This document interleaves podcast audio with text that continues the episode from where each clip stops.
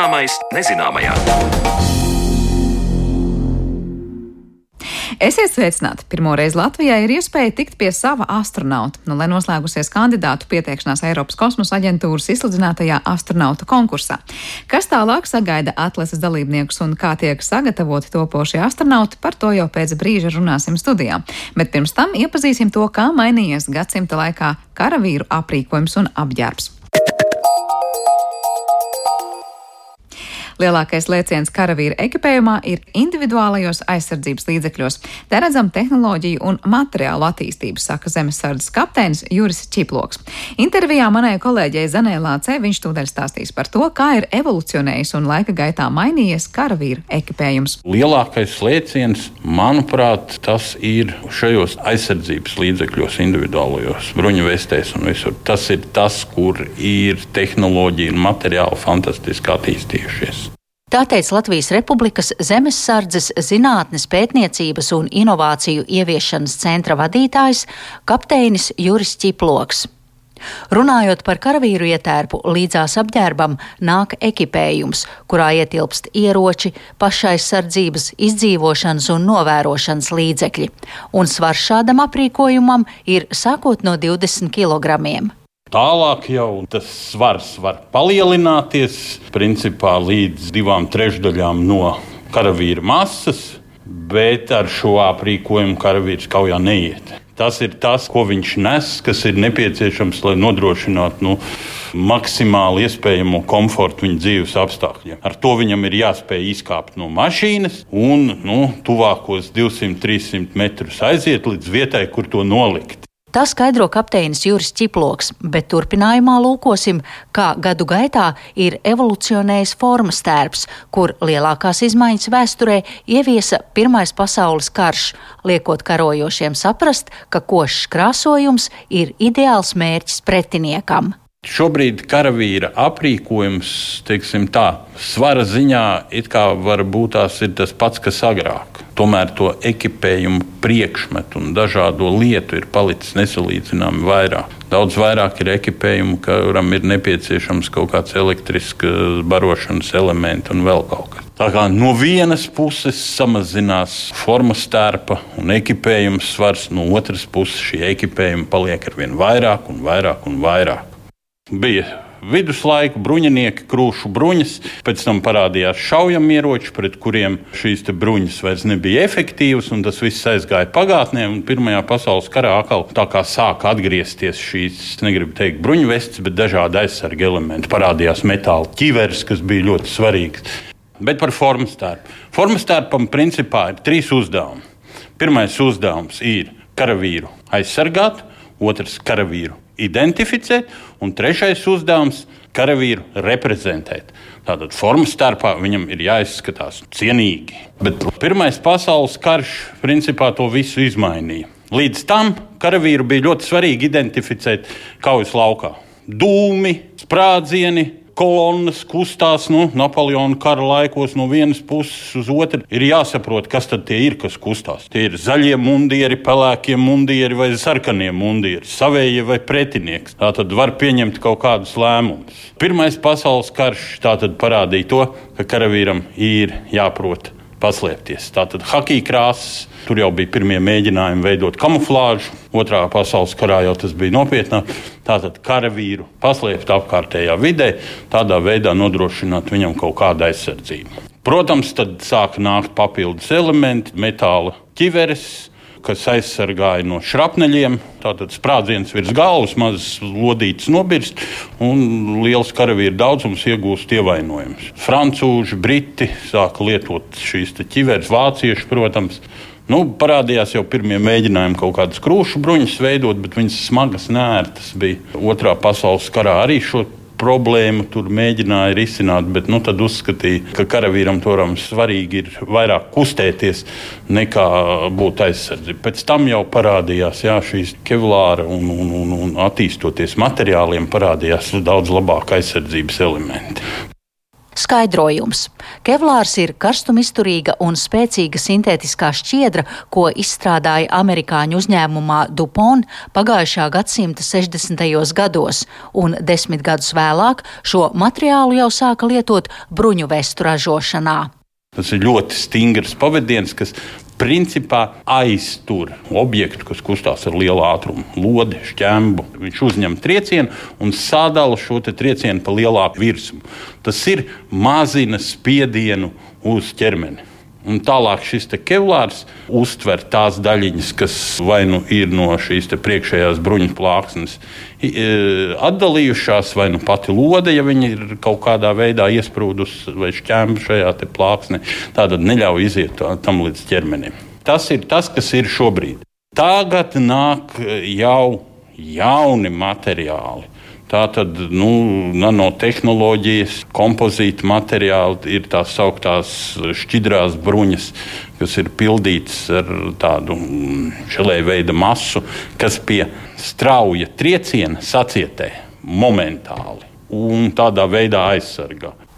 Runājot tālāk par karavīra aprīkojumu, skatot uz tādām lietām kā pārtika, teltis, apmetņi, šķiltavas, cik liels lēciens pēdējo desmit gadu laikā ir bijis, ja mēs runājam par šādiem priekšmetiem? Nu, teiksim tā, aizsardzība no lietus ir jau materiāli, kas principā pilnībā nodrošina. Nu, teiksim, tie paši goroteks, ja, cauri nemirks, tajā pašā laikā elpo un nodrošina nu, tādu komforta līmeni puslīdz labi. Ir dažādi pārklājumi, kurus var aerosolu veidā vai kaut kā savādāk uzklāt uz audumiem. Kas attiecās uz priekšmetiem, ēdiena sildīšanai, ēdiena pagatavošanai, es domāju, ka šobrīd eh, mēs atrodamies tajā situācijā, kad uh, tas viss diezgan strauji transformēsies. Un tas ir saistīts ar potenciālā pretinieka novērošanas spējām. Tehniskie līdzekļi, spējas ir augušas eksponenciāli. Šobrīd jebkurš karstuma avots var būt tas, kas nodod cilvēku. Zemesardzes ekipējumā šķiltavs mums paredzēts nav. Sērkociņi tas ir pie ēdienu pagatavošanas, uzsildīšanas. Tad karavīram Bet, līdzi ir jau gatavs ēdiens. Jā, viņš jā, ēd tādu, jā, kāds tas jā. ir. Nevis eh, papildus tur sildi, lai vienkārši nav šie termopunkti. Jā, no tā jācenšas maksimāli izvairīties. Nu, te radās otra problēma, atkal, kā nodrošināt šo silto ēdienu. Nu, ir tādi sildītāji, ķīmiskie, ja, kas balstās uz kalcija karbīdu, tur bāzes, pielēj ūdeni un viņš uzsils. Bet šis jautājums, domāju, ka būs atklāts, jo termālā signatūra, termālais zīmējums šobrīd ir viens no tiem, ar ko var identificēt. Laikam tādas lietas kā ugunskura un sēdēšana tur vakarā pie ugunskura, ka tas viss jau aiziet pagātnē. Šie novērošanas līdzekļi ir tik tālu attīstījušies, ka nu, šī te termālā signatūra tiek atpazīta no liela attāluma. Tas ir nedroši.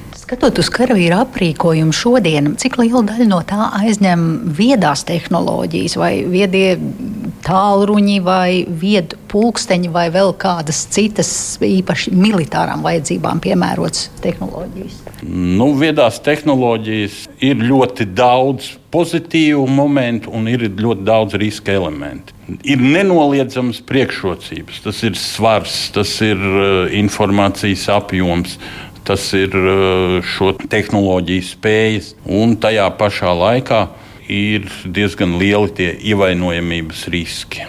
Tie gan vairāk ne tik daudz ir saistīti ar pašu viedierīci kā tādu, bet tas ir saistīts ar šo datu pārraidi. Es personīgi domāju, ka e, šīs ierīces ar vien plašāk un plašāk ienāks iekšā, jo e, priekšrocības ir nenoliedzamas, un otrs jaunie cilvēki, jaunie karavīri ar to jau māca rīkoties intuitīvi. Vai karavīra aprīkojumā ir vietālrunis? Paredzēts karavīram vietālrunis nav. Nu, es nedomāju, ka tuvākajā laikā arī būs tas. Tajā pašā laikā militārajā sakaru jomā jau izmanto šos viedu tālruņus speciālus. Nu, pēc Čečenijas kara Krievija bija izdomājusi, ka viņiem būs viedu telefons, kuras svars, ja nemaldos, bija kaut kur 6 kg. Bet, nu, tas, tas jau bija sen. Ja? Bet šobrīd pie tā strādā daudzi uzņēmumi. Tā tad ir viedu tālruņi, kuros ir iekšā speciāls šifrēšanas iekārtas un elementi un programmatūra. Teiksim, ikdienas režīmā tas jau tiek izmantots diezgan plaši visās armijās. Jo mēs esam mobilāki un jo mēs labāk spējam sazināties, jo labāks var būt rezultāts. Tā kā stacionāras sakaru līnijas diezgan grūti ir pārvilkt no vietas uz vietu. Un tai pašā laikā ir arī speciālas viedās ierīces, kur arī Latvijā strādā zinātnieki pie tādām lietām, kas spēj jau pārraidīt šifrētu informāciju. Tātad, izmantojot civilo infrastruktūru, izmantojot tīklu, mēs spējam pārraidīt arī aizsargātu informāciju. Runājot par ieročiem, kapteinis Juris Čiploks teica, ka aprīkojumā tie ir, bet galvenokārt tie ir domāti karavīra pašaizsardzībai, jo mūsdienās vairums cīņu notiek attālināti, kur galvenie spēki cīņas laukā ir artilērija un aviācija. Komandiera uzdevums ir nepieļaut, lai karavīrs nonāktu līdz stūcīņai, bet, ja tā notiek, tad tā ir galējā robeža, un karavīram bez visa aprīkojuma te ir jābūt morāli un fiziski gatavam. Par karavīru ekipējumu agrāk un tagad stāstīja Latvijas Republikas Zemesardzes zinātnes pētniecības un inovāciju ieviešanas centra vadītājs kapteinis Juris Čiploks, bet raidījuma turpinājumā pievēršamies vienai no neparastākajām profesijām pasaulē - astronauta darbam.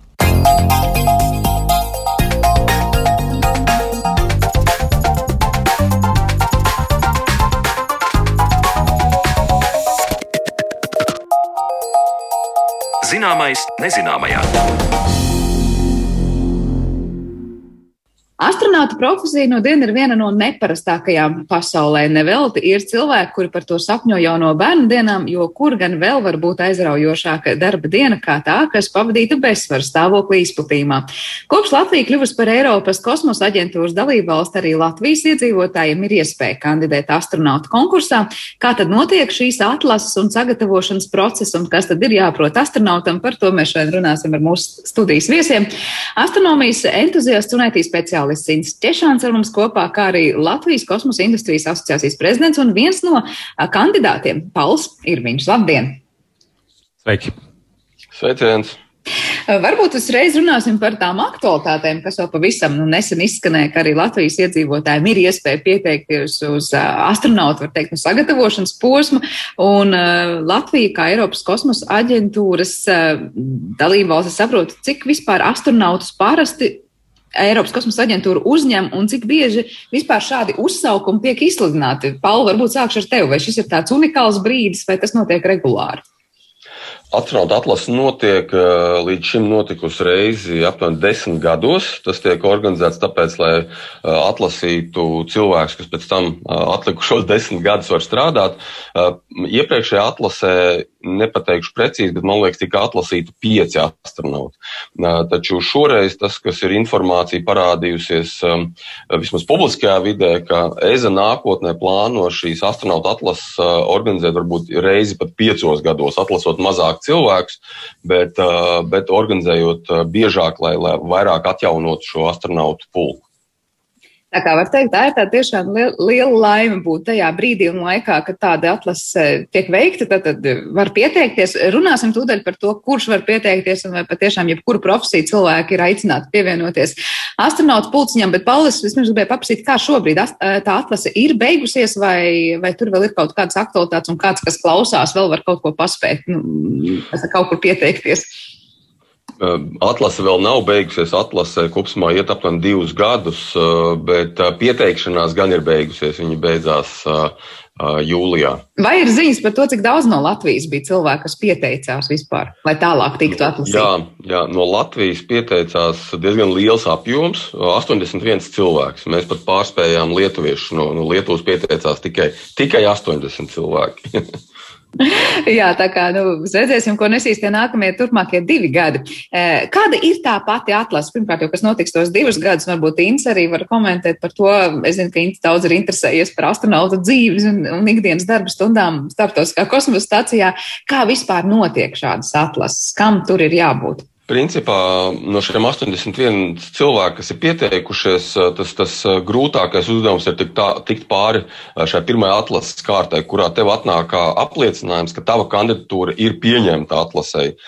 Mums pašlaik nav informācija, cik no šiem 80 plus viens cilvēkam, cik viņi ir saņēmuši apliecinājumu, ka viņu kandidatūra ir apstiprināta. Es zinu pāris cilvēkus, tā skaitā es esmu saņēmis apstiprinājumu, ka mani kandidatūra ir pieņemta izskatīšanai. Tas nozīmē, ka tie mani, uh, krit, es atbilstu, mana pieredze atbilst tiem kritērijiem, kuriem pamatu ir izvirzījuši Eiropas kosmosa aģentūra. Bet kas tie ir par kritērijiem? Tie kriteriji ir vairāki. Primāri ir jābūt maģistra grādam, ieteicams tehniskajās zināšanās, ir jābūt vismaz trīs gadu pieredzei savā, savā jomā, un trešais kriterijs ir jāparāda, ka veselība atbilst pirmā līmeņa pilotu standartiem. Tātad, ja šie trīs kriteriji izpildīti, tad tālāk nākamie soļi būs kaut kādas jau intervijas un pārunas, vai tas būs vēl tikai beigu posmā? Nākošajos soļos, nu, jāsaka, tur vēl pie pieteikšanās bija jāizpild ļoti gara aptaujas anketa, kur, kur ir rakstīts, vai cilvēks ir gatavs būt ilgu laiku prom no mājām, vai viņš ir gatavs, vai viņš māca peldēt. Pat tāds bija jautājums. Bija vesela kaudze ar jautājumiem, un, un varbūt arī, ja kāds cilvēks ir atbildējis, ka viņš nemāca peldēt, vai viņš negrib būt tālu ilgu laiku, būt prom no mājām, arī tās tie ir kriteriji, kur varbūt uh, ir at, kuri, kuri var ietekmēt to, vai cilvēks tiek uzņemts uh, astronautu kandidātos vai nē. Pēc tam nākamajos soļos principā notiks ļoti detalizēta psiholoģiskā atlase, kur tiks dot dažādi uzdevumi, pārbaudīt cilvēka gan psiholoģiskais portrets, gan viņa spēja risināt dažādus intelektuālos jautājumus, emocionālās situācijas risināt. Un pēc tam pašās, pēc tam, pēc tam būs vēl um, intervijas, tie, kas atkal tiks tālākām atlases kārtām. Vēl viens solis būs medicīniskā pārbauda tiem, kas jau būs tikuši, teiksim, tā līdz līdz, līdz, līdz uh, galam, ja ir tuvu, tuvu noslēgumam. Nu, un tad pašās beigās būs arī vēlreiz tādas jau vēl specifiskākas intervijas. Tas, tas process kopumā ir diezgan garš. Jā, tā kā ceļš vēl garš ejams, nu vēlēsim veiksmu, lai veicās gan tev, gan visiem tiem pārējiem, kas ir saņēmuši no Latvijas šo apstiprinājumu, ka tālāk kandidatūra tiek izskatīta. Uh, Int, varbūt tu vari piebilst par to pašu sagatavošanas posmu kopumā astronautam, lai, lai kļūtu par astronautu. Tātad tur ir jābūt, nu kā es nezinu, daudzām zvaigznēm, kas sastājas pareizajā laikā un pareizajā secībā, vai tur tiešām tiek atlasīti nu, cilvēki, kuriem pēkšņi ir ļoti šauras specifikācijas, varbūt pareizā izglītība un labais veselības stāvoklis, vai gluži pretēji, patiesībā mūsdienās jebkuru profesiju pārstāvi var kļūt par astronautiem?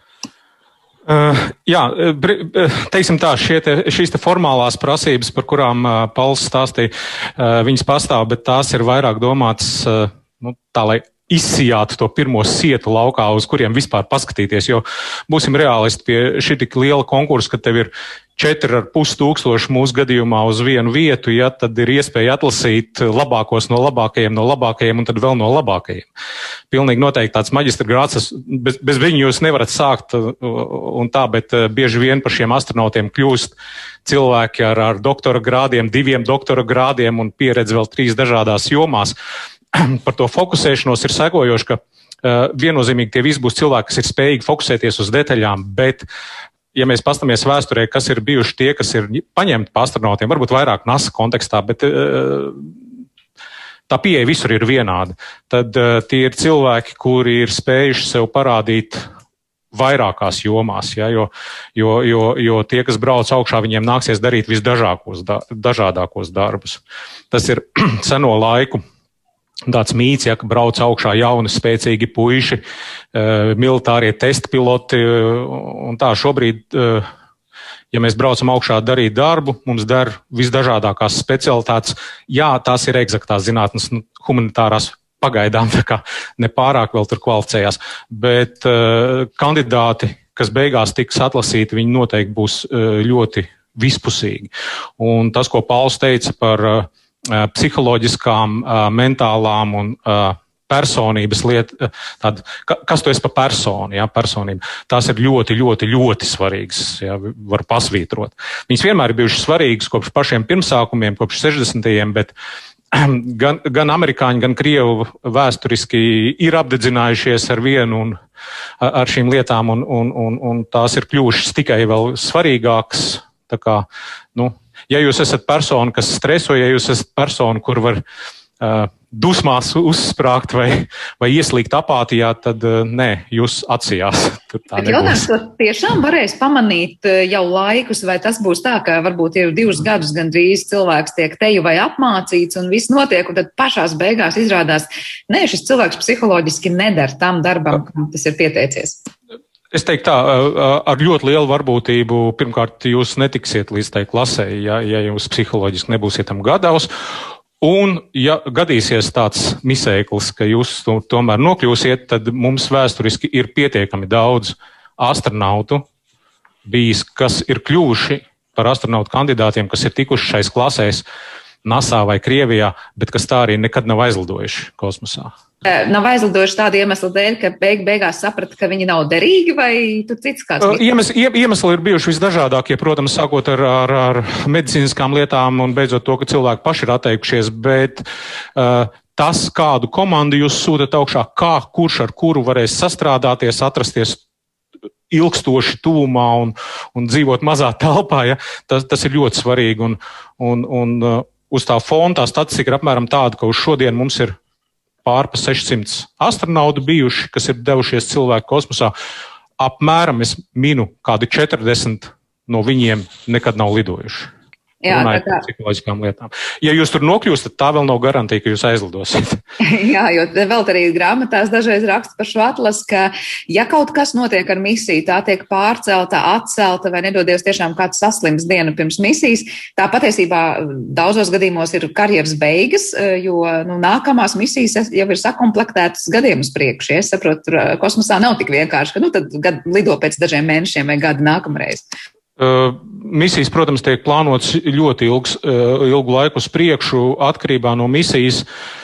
Konkrētie cilvēki viņai gatavojas vismaz divus gadus, dažkārt ilgāk, trīs, četrus gadus. Tas ir laiks, kur tu pavadi atstrādājot punktu pa punktam visu, ko tu tur augšā darīsi šajā misijā. Uh, Ja, ja jūs kļūstat par astronautu, vispirms jūs pāris eh, gadus mācīsieties, tikai mācīsieties, apgūstot visādas sistēmas, tur kosmisko staciju, nezinu, kuģu pilotēšanu, visdažādāko eksperimentu veikšanu un tā tālāk. Pēc tam jūs varat ilgstoši gaidīt to savu iespēju, un Un tad, kad jums viņa tiks dota, tad būs vairāku gadu garš periods, kurā jūs apgūsiet šo konkrēto misiju. Nu, rezultātā uh, mēs, mēs, mēs, mēs parasti uzskatām, ka šī astronauta amats ir tāds nu, ļoti, ļoti, ļoti interesants, bet tā garoza ir bieza, ļoti bieza.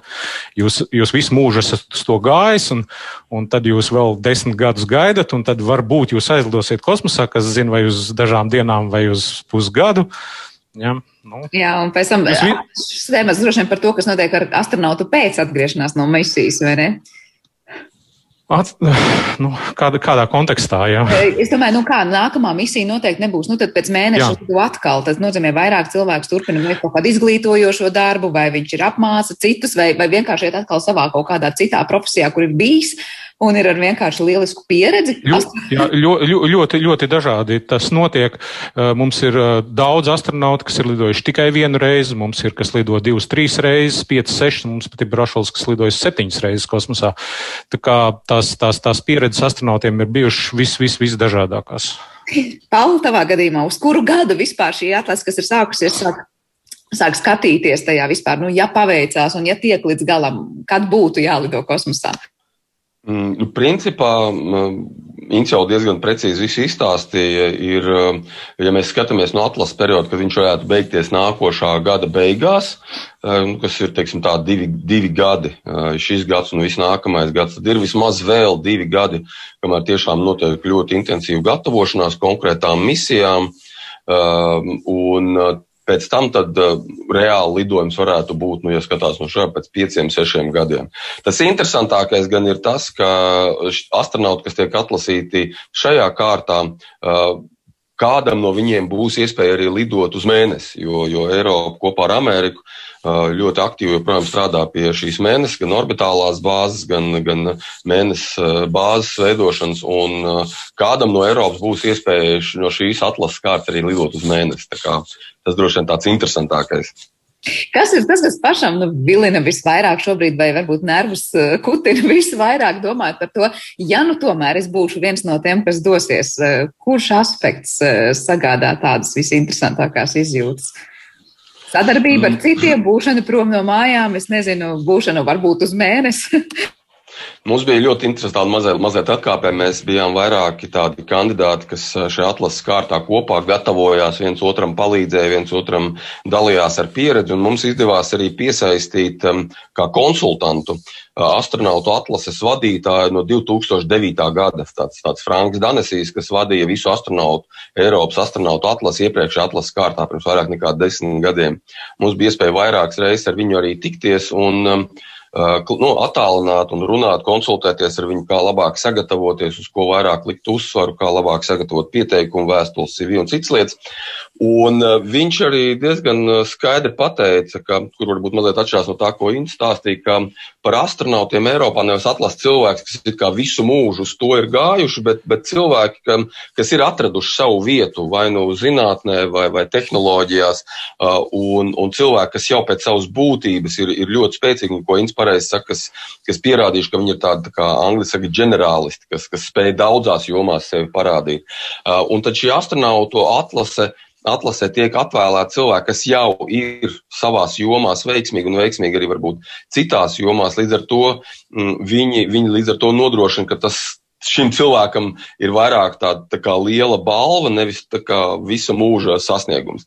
Man personīgi liekas visinteresantākais tieši būt daļai no tādiem sarežģītiem procesiem, piedalīties dažādu eksperimentu uh, organizēšanā kosmosā. Tā, manuprāt, nu, protams, pata lidošana, tā varētu būt. Tas ir droši vien tas pats, tas pats interesantākais, uz ko cerēt. Jā, tas tiešām varētu būt interesanti, ja kāds cer parasti domājot nu, par kādu jaunu darbu, nu, tad uh, uz ko viņš iet un kāds ir tas mērķis. Nu, šeit tas mērķis tiešām ir liels, tāls un cēls, un tiešām, kā arī jūs abi minējāt, nu, bieži vien no ļoti, ļoti, ļoti daudziem citiem faktoriem atkarīgs un ar ļoti, ļoti milzīgu atlasi. Tā kā tiešām uh, cilvēki, kas tam pie, piesakās, ir ar lielu pacietību apveltīti. Bet uh, tikko Palto jau minēja par to, ka citi ir tur zinātnieki vai citi mēģina, vai tu pats arī domā par kādu eksperimentu organizēšanu kosmosā un tā. Kā jūs abi raksturota, kāda ir tā astronauta darba? diena. Viņš ir vairāk kā tāds zinātnieks citā vidē, zinātnieks pētnieks, vai kaut kas pielīdzināms vienkārši, nezinu, apkalpes loceklim un, un varbūt tiešām tādam, kam ir jāvada kāds ļoti sarežģīts aparāts. Kā jūs komentētu? Varbūt interesāk ar tevi. Eh, es domāju, ka viens gan otrs pārsvarā tie cilvēki, kas brauc augšā, ja mēs šo, ja runiet par kosmosa stāciju, tas, tas vairāk viņi, viņi līdzinās kā tādai laboratorijai kaut kur Arktikā vai vēl kaut kur tur aizbrauc un tajā vidē tur dara dar visdažādākos eksperimentus. Protams, uh, uh, vide ir pietiekami sarežģīta, vienalga vai runiet par eksperimentiem vai, star, vai kosmosa stācijas tur vadības lietām, tev, tev tas viss ir jāapgūst, tev jābūt tehniskam, jā, un, un jākop tā vide, jā. Tad viņi, viņi tērē gan daudz laiku lai vienkārši uzturētu šo staciju, bez nerunājot par eksperimentiem. Um, otra lieta, ka, ka, ka šis laiks augšā ir ļoti saspringts. Ja. Šiem astronautiem, kosmonautiem, kas dodas uz staciju, viņi dodas parasti uz sešiem mēnešiem. Visi šie seši mēneši ir sarakstīti par piecām, ik pa piecām minūtēm. Uz priekšu visi seši mēneši, kurā brīdī tu ko darīsi, ko paņemsi, kur liksi.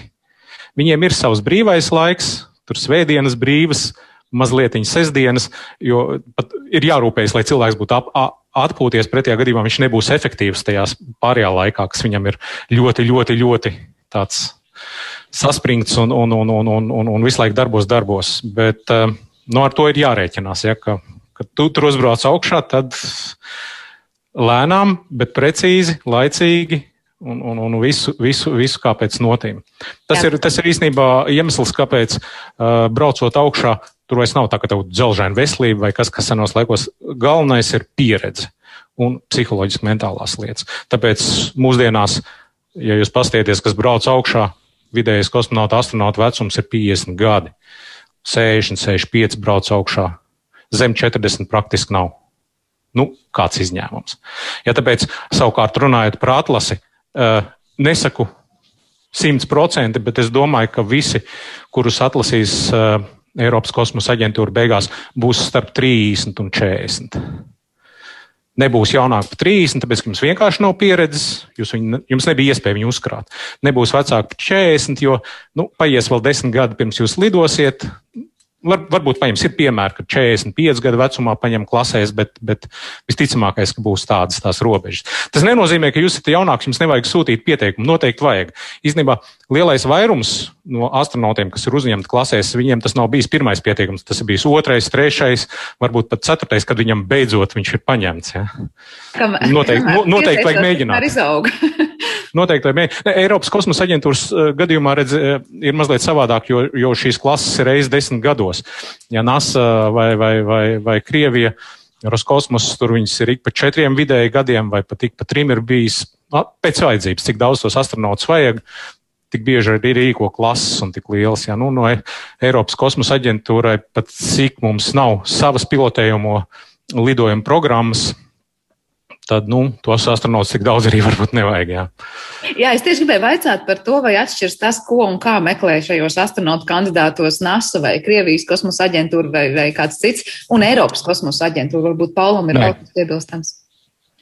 Maza atšķirība ir tāda, ka principā Amerikā vairāk uh, uzsvars tiek likts uz, uz pilotiem, tie, kas vada šos kosmosa kuģus, nu, ne vairāk, bet, bet viņi, viņi ir tie, kas tos kosmosa, viņu, viņiem ir viņu kosmosa kuģi, un ar viņiem arī lido vairāk.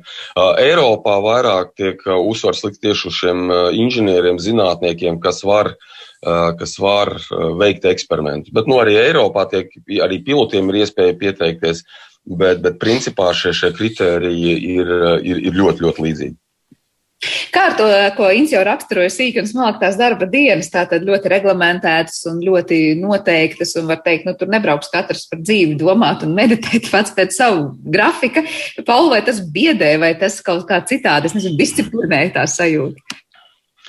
Nu, droši vien tā, tas varētu būt tieši tas interesantākais, ka tu esi tādā dinamiskā vidē, kur tev, kur tev tiešām, tā kā Inns saka, tev ir katra stunda saplānota, un, un, un tas darbs arī ir ļoti atbildīgs. Man bijusi iespēja tikties ar Latvijā dzimušu padomju kosmonautu Solovjevu, un, un viņš arī teica, ka principā tas, tas kosmonautu, jeb astronautu darbs ir ļoti, ļoti smags. Bet šeit jāpiemina arī, ka astronauti ne tikai lido kosmosā. Nav tā, ka viņi gatavojās misijām un, un pēc tam sēž mājās un gaida, kad viņiem zvanīs. Viņi ir ļoti arī aktīvi iesaistīti, palīdzot citiem misijas dalībniekiem. Pieņemsim, tad, kad ir citi komandas locekļi, kas, kas lido kosmosā, mēs esam redzējuši varbūt pa televīziju, kur ir šie lielie misijas vadības centri un tur ir pilns ar cilvēkiem. Tad šajos centros strādā arī tie astronauti, kas vēl nav lidojuši, vai kas plāno lidot, vai kas pašlaik gaida uz savu misiju, jo tādā veidā viņi, viņi arī mācās šīs, šo misijas vadīt, viņi atbalsta, viņi sniedz konsultācijas, viņi, viņi strādā tandēmā. Ir astronauti, kas ir kosmosā un ir kas uz Zemes. Tā kā šis astronautu darbs ir tiešām uz pilnu slodzi, ne tikai tur augšā, bet arī uz Zemes. Jā, man prātā ienāca vēl tā doma, nu, no, jūs te stāstāt par to, cik ļoti tas viss tiek laikus komplektēts un saskaņos un, var teikt, tiešām nu, saslīpēta tā komanda droši vien kopā, kas savstarpēji arī dosies. Es pieņemu, ka tev apmācību laikā ir arī tie paši konkrētie cilvēki, kas būs tajā vienā apkalpē, vai ne? Ir tie, kas kopā tiek apmācīti, nevis, ka tiek apmācīti, nu, tad viss pēc kārtas un tad beigās saliks īsto komandu. Kas notiek, ja, piemēram, kāds atsakās vai pamaina savu redzējumu un nelidos, tomēr ir tādi kā konkrētie rezervisti? Uz konkrēto misiju, kas tiek gatavoti, vai tur no jebkura tad vienkārši, kas ir gatavs, pieliek kādu citu cilvēku klāt. Proti, kas notiek, ja pēdējā brīdī kaut kādas izmaiņas notiek un kāds astronauts atsakās dalī, piedalīties misijā? Nu, īsnībā tādas atteikšanās es pat īsti neatminu. Man liekas, ka tādas nekad nav bijis. Uh, cita lieta, ka vēsturiski ir bijuši gadījumi, kad kāda nebūtu iemesla dēļ parasti medicīniska rakstura, kāds nav varējis lidot. Tad ir divi varianti, ko darīt. Vai nu aizvietot šo vienu cilvēku, vai aizvietot visu apkalpi. Jo visām apkalpēm, kas tiek gatavotas, jau kādiem lidojumiem kosmosā, kopš paša pirmā ir rezerves apkalpe, tiek, gatavot, tiek, tiek gatavotas divas apkalpes ja, vienlaikus. Un, un tā pieredze ir bijusi arī dažāda. Ja, dažkārt nomaina vienu, cilvēku, kā tas bija piemēram Apollo 13 gadījumā, vai nomaina visu apkalpi, jo, jo tā, tā, tā konkrēta apkalpiņa savā starpā ir sastrādājusies, un labāk tad, lai, lai lido visi tur vienalga trīs vai pieci vai cik, ja citi, kas ir savā kopā gatavojušies, nekā, nekā nomainīt, ielikt to vienu cilvēku iekšā. Bet es tiešām neatminu gadījumu, ka kāds būtu atteicies no lidojuma. Tā laikam vēl nav bijis. Bet, nu, medicīnisku raksturu dēļ, kā tu teici? Jā, protams, gadās, kad kāds apslimst vai, vai, vai, vai, ne, vai tur bijuši gadījumi, ka kāds uzsit vai salauž kaut ko. Bet, jā.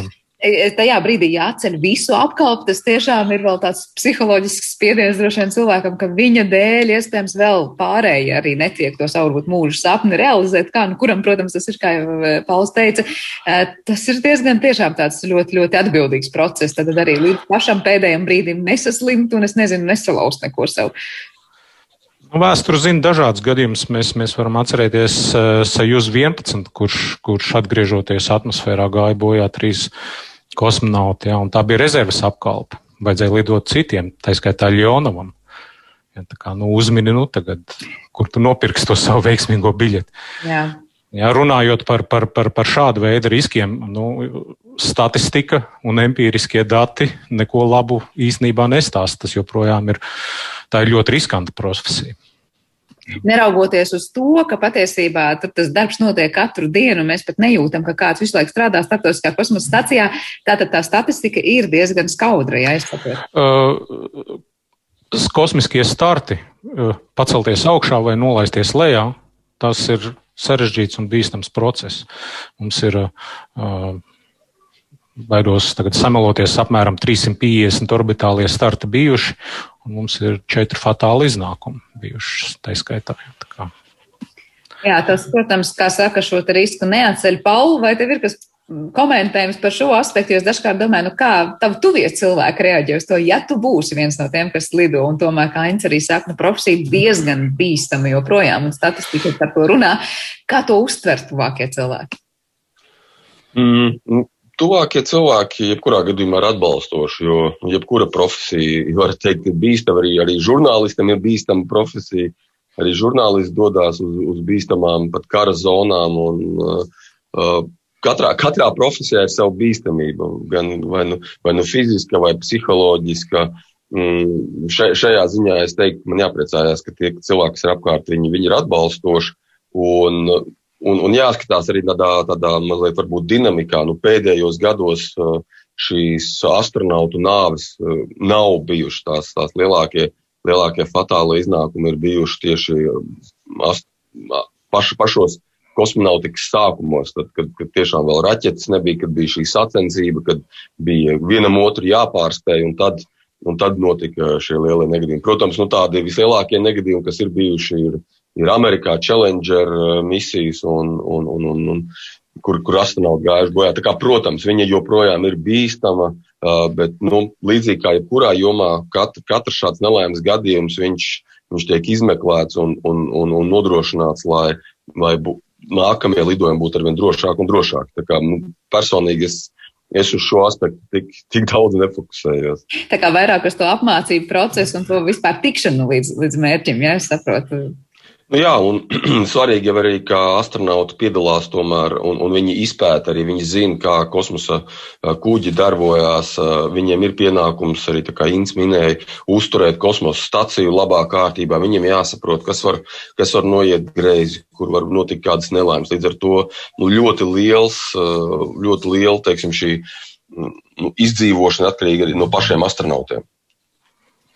Jā, nu katrā ziņā tuvākie gadi solās būt interesanti tiem, kas tiks uzņemti šajā apmācībā tālāk. Un es saprotu, gan filmās redzēts, gan daudz astronauti ir stāstījuši. Tātad e, tā apmācība notiek bieži vien arī nu, dažādos baseinos un dažādos stāvokļos, kas ilustrē un imitē tātad to, kādos apstākļos būs jāstrādā kosmosā. E, kas, Pauli, tavuprāt, ir tas viss izaicinošākais un interesantākais no tā, kas varētu sagaidīt tos, kas apmācīsies? Droši vien tas izaicinošākais ir šī psiholoģiskā sagatavotība. Tiešām strādāt grūtos apstākļos, intensīvā režīmā. Ļoti daudz, kas ir jāmācās astronautiem. Katrs eksperiments, kas viņiem ir jāveic, varbūt viņš savā karjerā ir bijis biologs, bet viņam jāiemācās darīt eksperimentus ar elektroniku vai kādu, vai kādu citu jomu. Un, un, un, un astronautiem ir jābūt spējīgiem ļoti daudz mācīties ļoti īsā laika posmā. Tas, manuprāt, ir gan izaicinoši, gan, gan aizraujoši apgūt jaunas lietas, un pēc tam arī astronauti mm, vairumā gadījumu turpina strādāt kosmosa aģentūrās, palīdzot uzlabot vai nu misijas, vai palīdzot uh, uzlabot tehnoloģijas. Viņi ir tiešā saskarē ar šīm tehnoloģijām uh, kosmosā, kosmosa stācijā, kosmosa kuģos. Viņi zina, kas var strādāt, kas nestrādā. Līdz ar to viņi cilvēki, kas strādā šajā frontes priekšpusē, viņi arī visvairāk saskarās ar, ar to, kur nepieciešama uzlabojuma. Līdz ar to tas, manuprāt, arī ir interesantākais, ka tu esi tādu nu, vispār ne tikai kosmonautu, bet vispār cilvēks vadošo tehnoloģiju priekšplānā. Tu redzi, saskaries ar viņiem, tu saproti, kur viņas pēc tam arī ir noderīgas uz Zemi. Jo mums jau, mēs, kāpēc valsts tik daudz naudas iegulda kosmosa izpētē, nevis tikai tāpēc, lai pāris cilvēku aizlidot, bet nu, primāri, lai lai dzīve šeit uz Zemes būtu labāka. Mm, līdz ar to tas, man liekas, ir tas izaicinošākais un interesantākais. Jā, tas, ko tu tikko minēji, tiešām ir tas, par ko mēs arī bieži esam svejos raidījumos runājuši, ka pētot to, kas ir kosmosā vai no kosmosa zemi pētot, mēs patiesībā ļoti daudz ko iegūstam tieši mūsu ikdienas dzīves uzlabošanai šeit pat uz Zemes. Tā kā arī tas ir tas, ar ko darbojas un mēģina darboties tad visi tie, kas uh, ir nolēmuši kļūt par astronautiem, vismaz šo ceļu ir sākuši iet. Šajā reizē es teikšu jums abiem lielu paldies par tādu ieskatu tajā, gan kā notiek šobrīd atlas, kur var teikt tiešām pirmoreiz laikam Latvijas iedzīvotājiem ir iespēja pieteikties, un tie, kas to ir izmantojuši, tātad gaidīsim ziņas tuvākajos uh, mēnešos un gados, kas notiks ar, ar, ar jums tālāk, cik tālu tiksiet un cik veiksmīgi būs šī Latvijas astronauta atlase. Uh, savukārt, jā, Inta, liels paldies arī par tādu vispārīgu ieskatu tajā, kā dažādos laikos ir gājis gan tiem, kas dodas kosmosā, gan to, kā tad ir astronauta darba diena. Atgādināšu mūsu klausītājiem, ka raidījuma viešiem bija astronomijas entuziasts un IT speciālists Ints Češāns, kā arī Latvijas kosmosa industrijas asociācijas prezidents un viens no astronautu atlases kandidātiem Pauls Irviņš. Ar to arī šis raidījums ir izskanējis, par to parūpējās producenta Paula Gulbinska. Par mūziku šai stundai gādāja Girds Bišs, savukārt jums kopā bija Sandra Kropa un mēs tiekamies jau atkal rīt. Vislabāk!